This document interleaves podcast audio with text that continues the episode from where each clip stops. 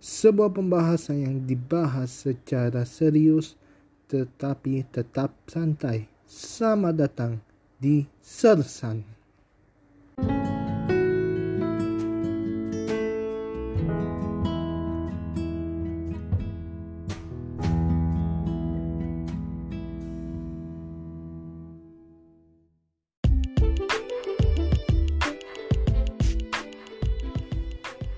Assalamualaikum warahmatullahi wabarakatuh.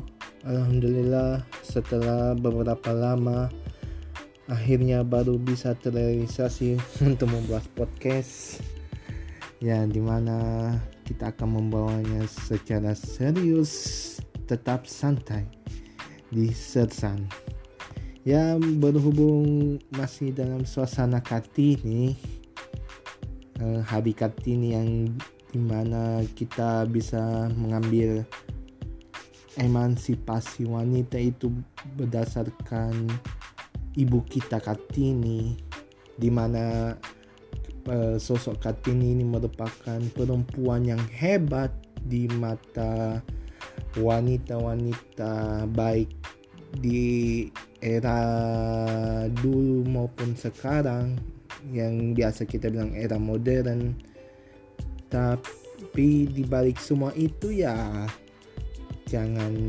bilang kita langsung berpendapat bahwa Kartini itu langsung kita katakan hebat. Dia punya step by step untuk menjadi sosok yang dikenang sepanjang akhir hayatnya hingga sekarang. Anak-anak berpikir sebenarnya kalau menyatakan bahwa sosok pahlawan wanita pasti mereka bakalan jawab ibu kita Kartini ibu kita Kartini. Betul Raden Ajeng Kartini hanya salah satu dari beberapa sosok pahlawan yang ada di Indonesia. Banyak kok yang seperti Raden Ajeng Kartini semisal Cut Nyadin Dewi Sartika. Itulah sosok-sosok yang saya sebut tadi itu ya termasuk orang-orang yang hebat pada zamannya zaman penjajahan yang dulu. Tapi kenapa Ibu Kartini sih yang di Eh, dibuat sebagai hari nasional gitu. Kenapa bukan hari Dewi Sartika atau hari Cuk Nyadin atau hari Cuk Nutia? Kenapa bukan mereka? Nah eh, saya baca sedikit riset nih tentang pemahaman emansipasi wanita. Di mana uh, ada sebuah penelitian terkait yang saya sebutkan tadi tentang pemahaman emansipasi wanita. Mengatakan bahwa pertama konsepsi emansipasi wanita dalam pemikiran Raden Ajeng Kartini dalam bukunya habis habis gelap terbitlah terang yang merupakan kumpulan surat Kartini kepada teman-temannya yang berada di Belanda dapat dipublikasikan atas inisiatif Mr. Aben Danon. Buku ini dikenal sebagai ide-ide Kartini dalam memperjuangkan emansipasi wanita adalah karena tulisan-tulisannya yang banyak membicarakan kepeduliannya terhadap hak dan peran perempuan dalam kehidupan bermasyarakat. Kartini tidak menyebutkan emansipasi wanita yang diperjuangkannya seperti apa. Jauh sebelum mengenal kata emansipasi dan arti artinya apa, Kartini telah memiliki konsep perjuangan untuk membela hak-hak perempuan sebagai manusia seutuhnya. Jadi ya, kalau saya baca satu paragraf yang ada di sini ini yang saya baca merupakan hasil studi dari seseorang yang saya sebut namanya saja bernama Citra Mustikawati. Terima kasih sebelumnya. Saya ambil kutipan Anda. Tapi ini betul-betul menginspirasi bagi kaum wanita, kaum perempuan di Indonesia, khususnya para pemuda. Ya, kembali yang saya lihat, buku habis gelap terbitlah terang ini ternyata hab, buku habis gelap terbitlah terang ternyata merupakan kumpulan surat yang maaf kumpulan surat yang dikumpulkan oleh Raden Ajeng Kartini di mana surat itu dari teman-temannya yang berada di Belanda dan dapat dipublikasikan atas inisiatif oleh Mr. Abendanon. Mudah-mudahan betul ya saya penyebutannya karena kemungkinan ini orang Belanda dan sudah ini buku sudah dikenal sebagai ide-ide Kartini dalam memperjuangkan emansipasi wanita. Ada kata memperjuangkan emansipasi wanita. Ya, Berarti karena tulisan-tulisan yang ada dan banyak membicarakan kepeduliannya terhadap hak dan peran perempuan dalam kehidupan bermasyarakatan. Dalam arti begini loh. Kartini sudah uh, sudah berpikir bahwa perempuan itu bisa. Perempuan itu punya hak untuk bicara, punya hak untuk bekerja, bukan hanya untuk bukan hanya untuk laki-laki saja. Gitu. Ini ini bagi saya ya. Nah, peran perempuan itu ada selain menjadi ibu rumah tangga. Mereka mereka mampu bekerja, mereka mampu uh, jadi businesswoman, mereka berkarir, melakukan hal yang bisa laki-laki lakukan, itu sudah dipikirkan oleh Raden Ajeng Kartini melalui bukunya Habis Gelap Terbitlah Terang. Nah, sudah terbukti ada satu presiden kita yang merupakan seorang wanita dan merupakan anak dari sang proklamator kita Insinyur Soekarno yaitu Ibu Megawati Soekarno Putri. Luar biasa. Saya kembali ke kutipan. Kartini tidak menyebutkan emansipasi wanita yang diperjuangkan seperti apa. Jauh sebelum mengenal kata emansipasi dan artinya apa, Kartini telah memiliki konsep perjuangan untuk membela hak-hak perempuan sebagai manusia seutuhnya. Kenapa? Pada zaman dulu, pada zaman dahulu ya, di zaman peperangan, ya kita tahu sendiri perempuan itulah apa ya istilahnya? Di rumah saja jaga anak masa tidak boleh keluar. Uh, hak haknya itu ya hanya sebatas di situlah. Kalau misalkan ada laki-laki yang suka dijodohkan tidak bisa tentukan pilihannya untuk uh, dia mau nikah sama siapa. Itu dulu. Nah sekarang di era sekarang kan beda. Laki perempuan bebas untuk memilih siapa yang mereka inginkan dengan tetap restu dari orang tua dan saat satu dengan yang lainnya sama-sama suka. Ya kan? Itu loh. Bukan hanya itu. Kita harus tetap patuh terhadap agama kita yang manakala di ma manakala wanita harus tetap patuh kepada agamanya mau ag mau agama Islam Protestan, Katolik, Hindu, Buddha, Konghucu yang ada di Indonesia ini pasti semua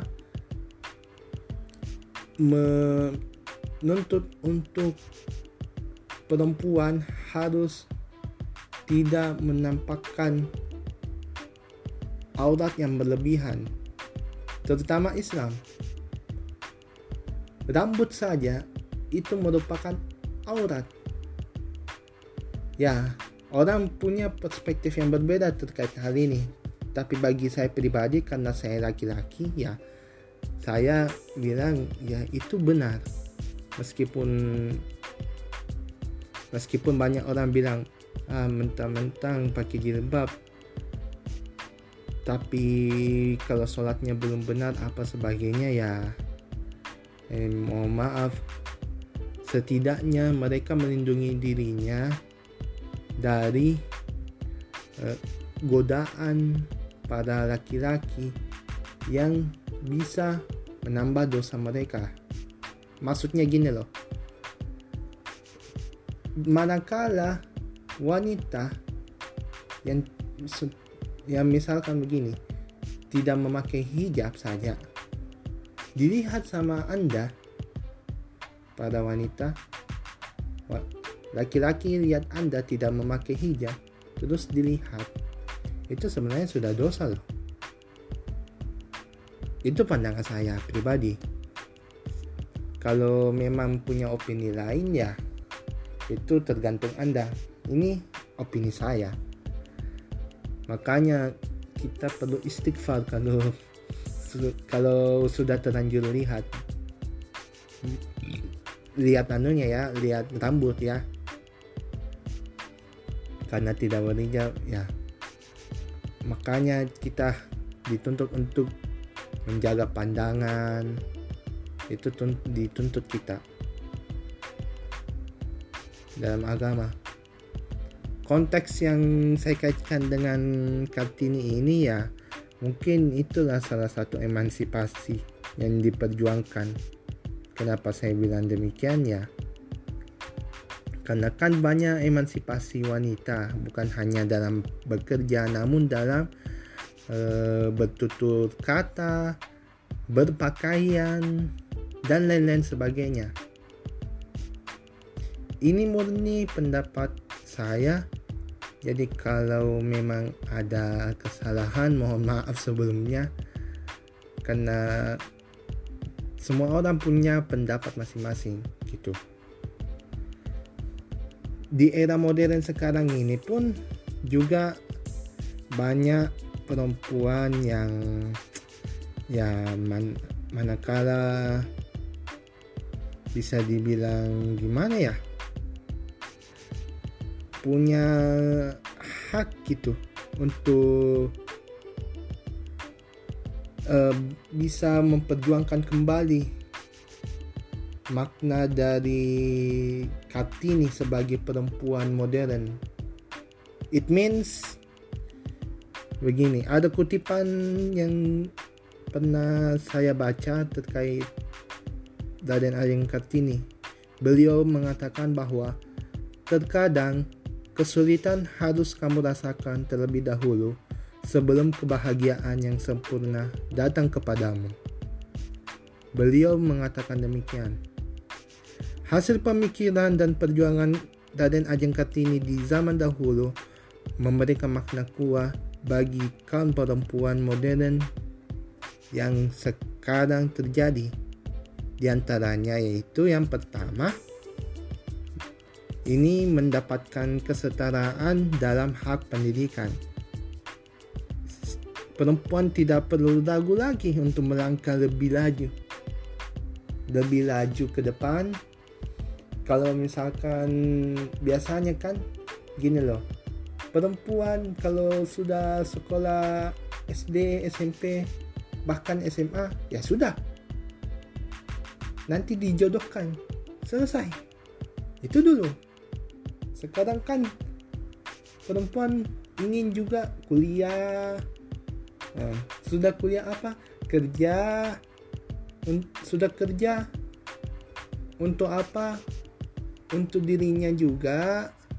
Uh, apabila mereka sudah merasakan demikian mereka juga merasa wah ini saya punya penghasilan loh.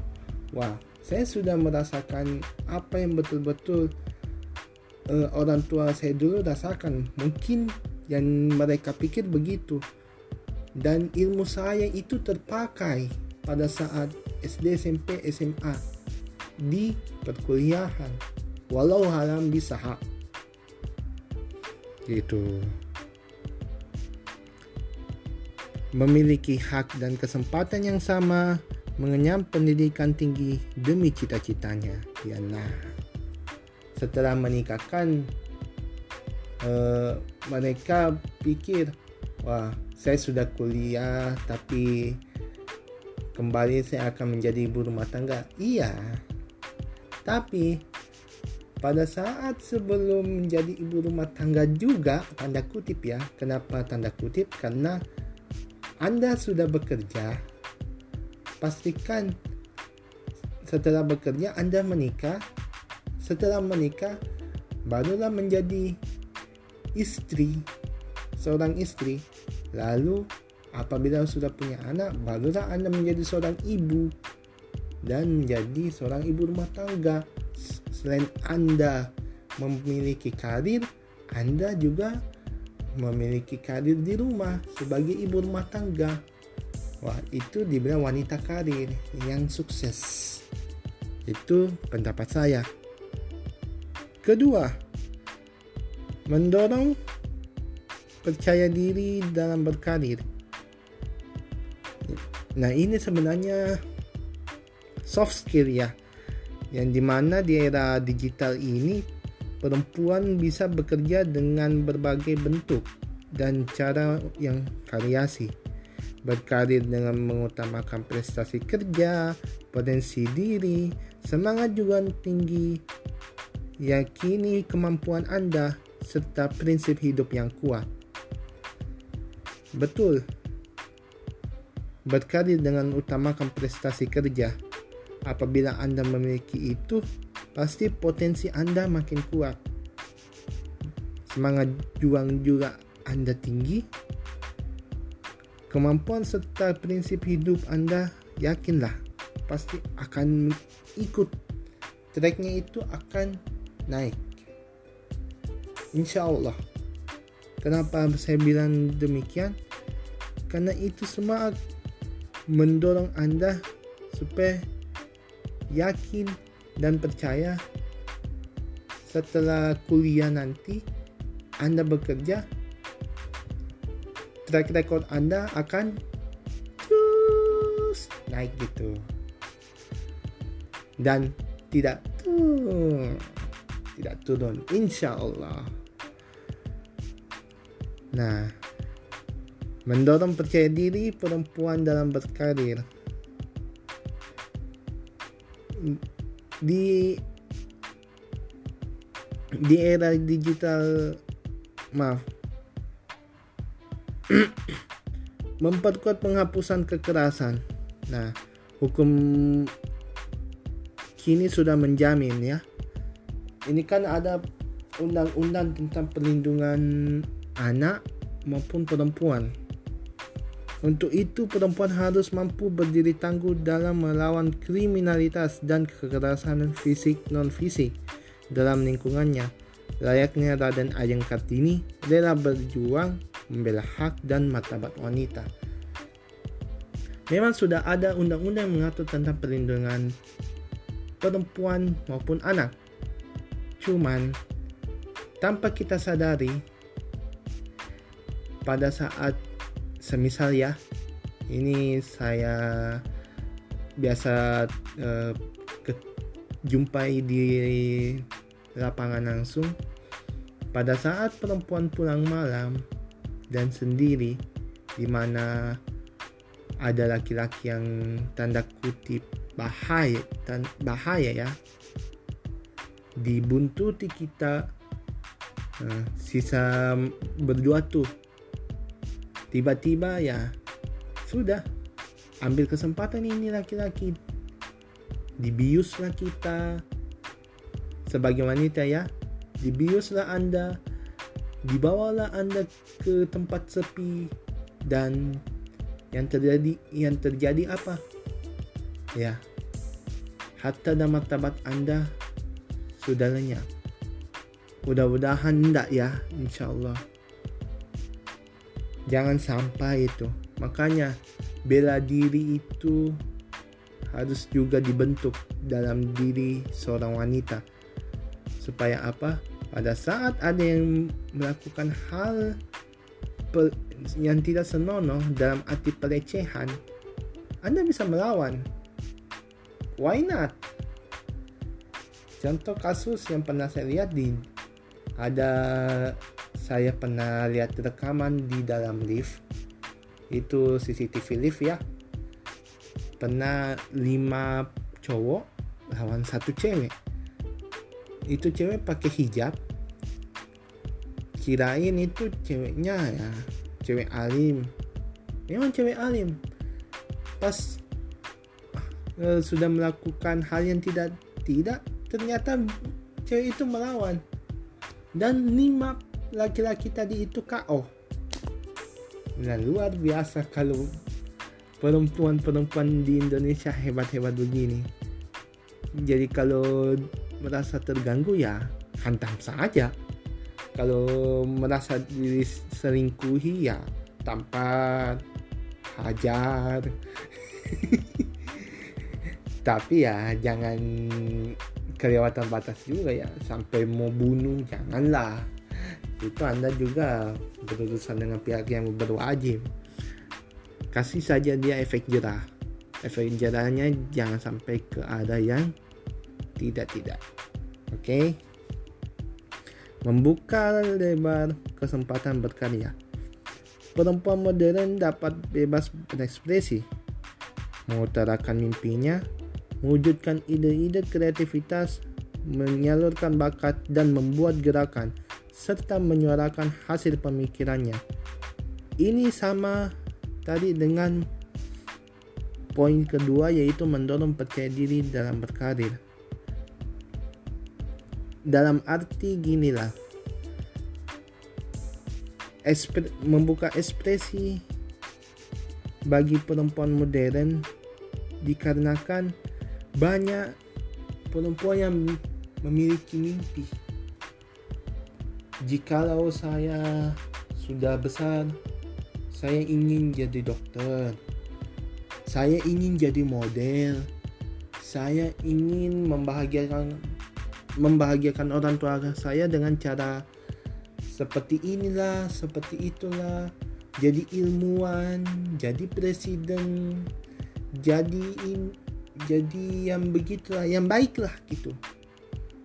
Makanya mereka menggunakan ide-ide yang ada di dalam kepala mereka dengan mengaktifkan kreativitas mereka menyalurkan bakat mereka yang mereka miliki.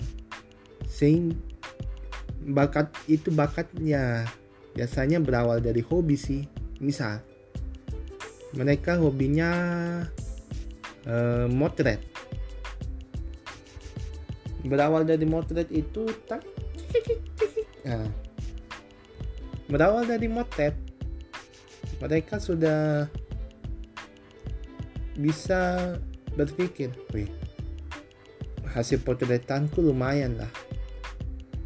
Bisa saya upload di so media sosial. Pada saat di upload ada penerbit yang wah ini gambar bagus. Ternyata pada saat dihubungi anda menyatakan bahwa ini gambar saya dan anda pun senang pertama. Kedua, gambar itu dibeli lah. Hmm, mulai dari situ berawal dari hobi menjadi keterusan dan akhirnya Anda menjadi seorang fotografer profesional. Berawal dari situ. Dari hal kecil lah, hobi menjadi seorang yang profesional. Itu kan berdasarkan hasil pemikiran Anda. Kan gitu. Ini yang terakhir membangkitkan kualitas hidup perempuan. Semakin terbukanya ruang hidup bagi perempuan, seperti peran sinergi perempuan pada sektor pembangunan dan peluang berpartisipasi dalam pengambilan keputusan di pemerintah. Han, pemerintahan, maaf saya potong. Jadi ya, itu yang saya katakan tadi bukan hanya laki-laki yang bisa memimpin. Wanita juga sudah memiliki peran. Apabila perempuan bisa berpikir kritis, kenapa tidak? Potensi mereka ada. Potensi wanita bisa disamakan dengan laki-laki. Apabila laki-laki apabila laki-laki memiliki pemikiran yang setara dengan wanita maupun sebaliknya kenapa kita tidak pakai pemikiran kritis itu menimbulkan sebuah ide di mana pada saat kita duduk bersama terlibat di salah satu diskusi misalkan pada saat itu misalnya si A ini laki-laki, si B ini perempuan. Si A menyuarakan pendapatnya. Namun dibantah oleh si B yang menyatakan bahwa begini begini begini begini. Dan si A kembali menanggapi. Namun begini begini begini begini. Nah, kembali ada adu argumentasi si A dengan si B. Mereka berdua pun terpakai. Semisal ada orang yang uh, politisi lah di dalam forum tersebut. Mereka bisa terpakai nih dua orang untuk memberikan sumbangsi ide dalam peng, dalam menyalurkan ide-ide brilian mereka sehingga peluang mereka untuk contoh misalkan mereka untuk menjadi seorang wakil rakyat tanda kutip itu bisa karena sekarang kan banyak wanita yang duduk di uh, Senayan sana. Ya kan? Bukan hanya laki-laki, perempuan juga. So, di era modern sekarang, emansipasi itu punya macam-macam hal. Jadi, sisa perempuan sekarang yang pilih jalurnya masing-masing karena gini jangan sampai perempuan sekarang memilih jalur yang salah gitu. Semisal merelakan harga dirinya dan harga diri serta martabatnya untuk menghidupi keluarganya. Jangan itu pertama. Kedua jangan asik memamerkan aurat gitu. Asyik goyang di tok-tok. Kalau digunakan tok-tok itu untuk hal yang positif it's okay. Tapi kalau lebih banyak mudaratnya nggak usah lah itu kan sama saja bom-bom waktu